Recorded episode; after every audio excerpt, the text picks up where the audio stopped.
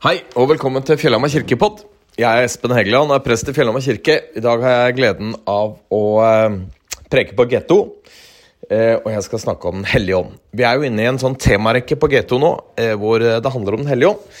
Og for kort tid tilbake så snakka jeg litt om hvorfor vi trenger Den hellige ånd. Og vi konkluderte da med at vi trenger Den hellige ånd fordi Gud ønsker ikke at vi skal bli etterlatt som foreldreløse barn. Som Jesus sier det i Johannes-evangeliet. Eh, det er bedre for dere at dere får talsmannen, eh, at jeg drar opp til himmelen, så at dere får talsmannen. Eh, og dere blir ikke etterlatt som foreldreløse barn. Derfor får vi Den hellige ånd. Det er ikke meningen på en måte at vi skal gå rundt som foreldreløse barn. I dag skal vi snakke mer om hvem Den hellige ånd er. Og nå er dette altså en sånn taleserie, på en måte. Så eh, for å få med hele bildet Skjønt, det er ikke sikkert det hele bildet heller, men i hvert fall mer av hele bildet. Så eh, lønner det seg å følge med på også de andre G2-søndagene eh, som omhandler Den hellige ånd. da. Men altså i dag, hvem er Den hellige ånd? For det første, Den hellige ånd har alltid vært Gud. Vi tror på en treenig Gud. Gud som far og skaper, Gud som vår frelser, eh, Jesus, og Gud Den hellige ånd. Den hellige ånd var med ved skapelsen. Ånden svevde over vannene, kan vi lese om i første Mosebok. Den hellige ånd var også aktiv gjennom hele Gamle testamentet som Gud, men kanskje mer i form av av en, en, kraft Gud ga til enkeltpersoner, som profetene, dommerne, prestene og kongene. Gud sørget på en måte for at de som skulle lede folket, hadde Den hellige ånds kraft, sånn at de kunne lede i tråd med Guds vilje. Og Vi kan lese i Gamle testamentet at dette var ikke tvang eh, i form av at Den hellige ånd tok over noens liv, på en måte, disse kongene, prestene, dommerne osv. Men det var både en ressurs for det mennesket som skulle styre og formidle Guds vilje, og en tilstedeværelse blant menneskene, sett fra Guds side. Vi kan nå lese at disse menneskene som var utrustet med Den hellige ånd i gammeltestamentlig tid, fritt kunne velge om de ville følge Den hellige ånds veiledning eller ikke.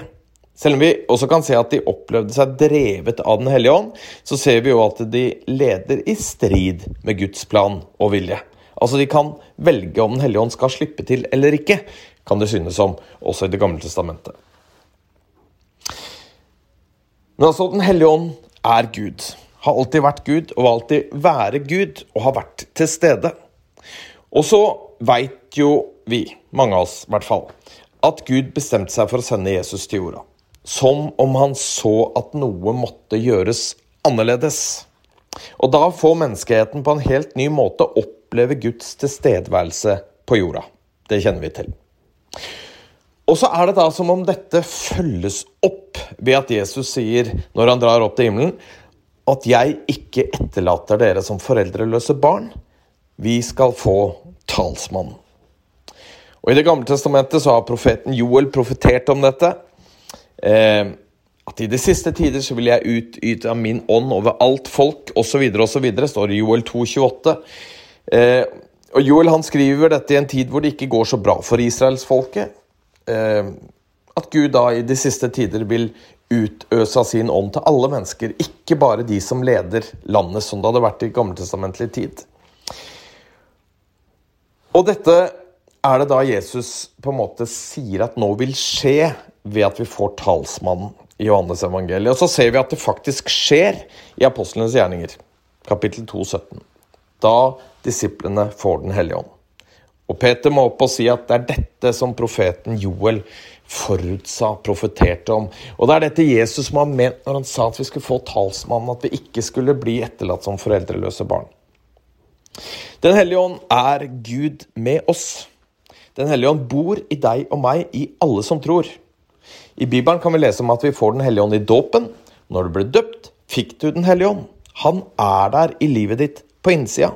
Du kan vite det. Den hellige ånd er enda mer til stede egentlig for deg enn Jesus var det for disiplene. Han er der alltid. Og så er det noen av oss som da stiller oss spørsmålet betyr dette at om jeg ikke er døpt, så, så kan jeg ikke ha Den hellige ånd. Altså, er det sånn at eh, de som ikke er døpt, kan ha Den hellige ånd? Og nå skal ikke denne prekenen handle, handle, så mye om det, men jeg har bare lyst til å si at eh, sånn vi ser det gjennom Bibelen, det Bibelen forteller om, om dåp og Den hellige ånd, så er det nært knyttet sammen. Og det er på en måte som om det er default-oppsettet. Eh, I dåpen får vi Den hellige ånd. Men eh, det trenger ikke å bety, og jeg tror ikke det betyr, at Gud eh, har låst seg til at det er den måten han tar bolig i oss mennesker på. Gjennom dåp. Det kan godt hende at Gud er større enn som så, for å si det på den måten. Det eh, tenker nå i hvert fall jeg. At selv om det ser ut som om dåpen er på en måte default-oppsettet for hvordan man får Den hellige ånd i Bibelen, så utelukker ikke det at Gud også kan gjøre det på andre måter. Jeg skal nå konkretisere med fem beskrivelser av Den hellige ånd, hvem Den hellige ånd er. Den hellige ånd er vår veileder. Han ønsker å være i livet ditt for å veilede deg.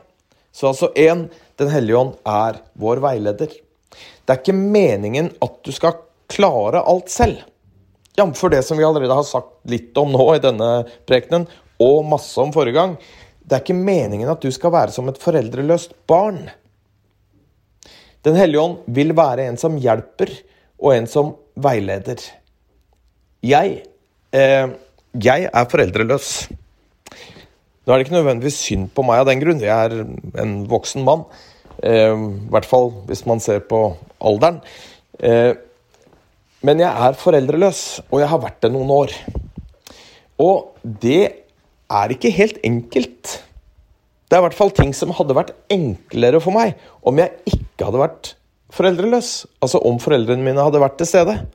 For eksempel så er det sånn at jeg til stadighet, eh, eller kanskje mer sjeldnere og sjeldnere, men allikevel innimellom går og tenker på ting som jeg gjerne skulle ha spurt dem om.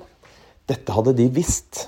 Dette hadde de til og med hatt glede i å hjelpe meg med enkle ting som jeg gjerne skulle funnet ut av fra slekta vår tilbake, f.eks. Eller ting jeg trenger hjelp med ellers. Eh, men det går ikke. Den hjelpen får jeg ikke. Den veiledningen får jeg ikke fordi jeg er foreldreløs. Sånn ønsker ikke Gud at det skal være med oss eh, når det gjelder tro. I det åndelige, om du kan si det sånn. Han ønsker ikke at vi skal være foreldreløse.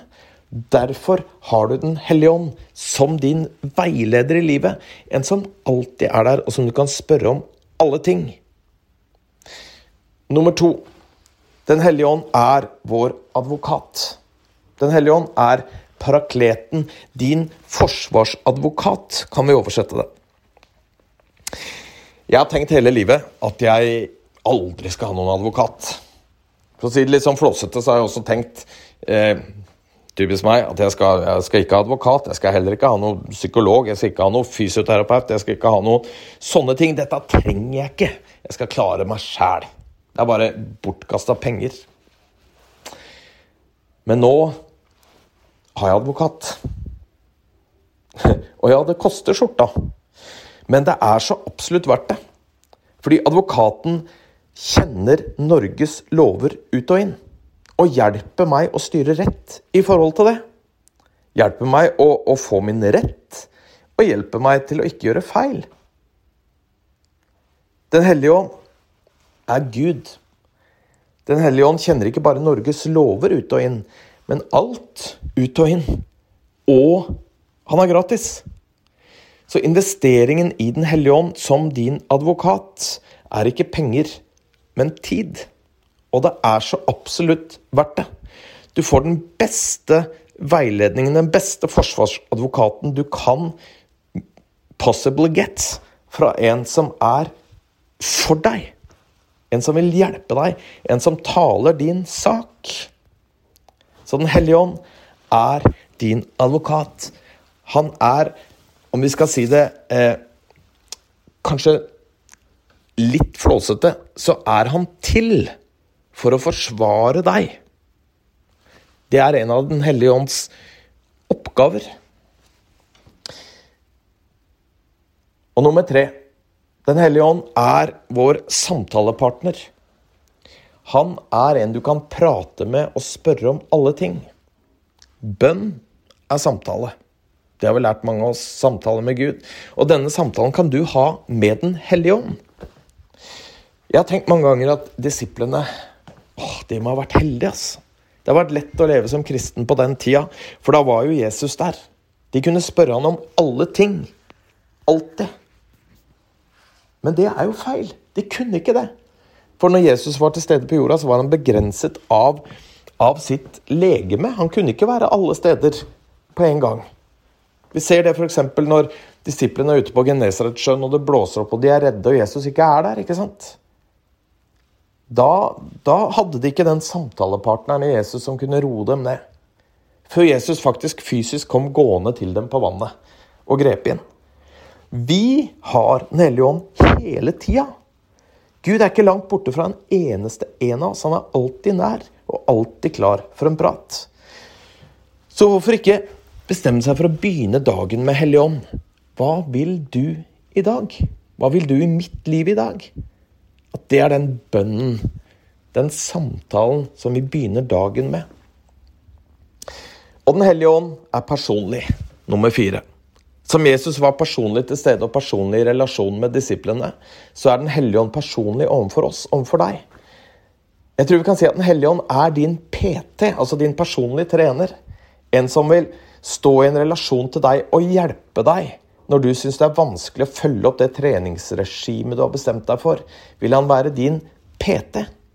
Han ser hva du trenger. Han ser hva du trenger til forskjell for Per. Akkurat som Jesus og hva Peter trengte til forskjell fra Johannes. Eller for å si det på en annen måte Den hellige ånd er, er den fullkomne versjonen av den norske skolemodellen. Altså Den hellige ånd er tilpassa opplæring, på en måte. Vet hva du trenger, går til det nivået og hjelper deg videre. Altså Den hellige ånd kom til deg, ikke bare til menneskeheten. Gud kom til deg ikke bare menneskeheten. Gud er personlig. Den hellige ånd er personlig. Det betyr også at vi skal ha respekt for at vi opplever Den hellige ånd på forskjellige måter. Den hellige ånd kan oppleves annerledes for meg enn han kan for deg. Ikke fordi Gud den hellige ånd er forskjellig, men fordi vi er forskjellige. Og Gud møter meg der jeg trenger det, og deg der du trenger det. Da kan det oppleves forskjellig. Og nummer fem Den hellige ånd er gudskraften. Den hellige ånd er gudskraften som faktisk reiste Jesus opp fra de døde. Den kraften bor i den som tror. Bor i deg og i meg, fordi Den hellige ånd er der. Det betyr styrke i livet ditt. Det betyr en batteripakke som ikke har problemer med rekkevidden, for å si det sånn. Det betyr uendelig styrke i livet ditt. At du har på en måte all styrke tilgjengelig, all ressurs tilgjengelig i ditt liv fordi Gud bor der. Det betyr ikke nødvendigvis at du får det som du vil, men det betyr at du har all ressurs tilgjengelig. Gud er der med sin vilje. Og Guds vilje tror jeg først og fremst er at alle mennesker skal bli frelst og lære sannheten å kjenne. Det står i 1. Timoteus 2,4. Og kanskje er det også hovedgrunnen til at Gud har tatt bolig i oss med sin kraft. Ja, at vi skal få kjenne på hans nærvær. Ja, at vi skal få kjenne på hans trøst, hans tilstedeværelse, hans bekreftelse av deg og meg men også hans kraft til å være vitner. Den hellige ånd er kraften i deg til å være hans representant på jorda. Sånn at alle mennesker kan bli frelst og lære sannheten å kjenne.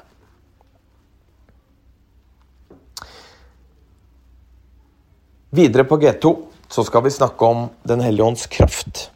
Og vi skal snakke om Den hellige ånds ledelse. Og vi skal snakke om Den hellige ånds gaver, nådegavene. Det håper jeg du vil få med deg. Men altså, i dag Den hellige ånd er vår veileder. Den hellige ånd er vår advokat. Den hellige ånd er vår samtalepartner. Den hellige ånd er personlig. Og Den hellige ånd er kraften i livet ditt. Amen.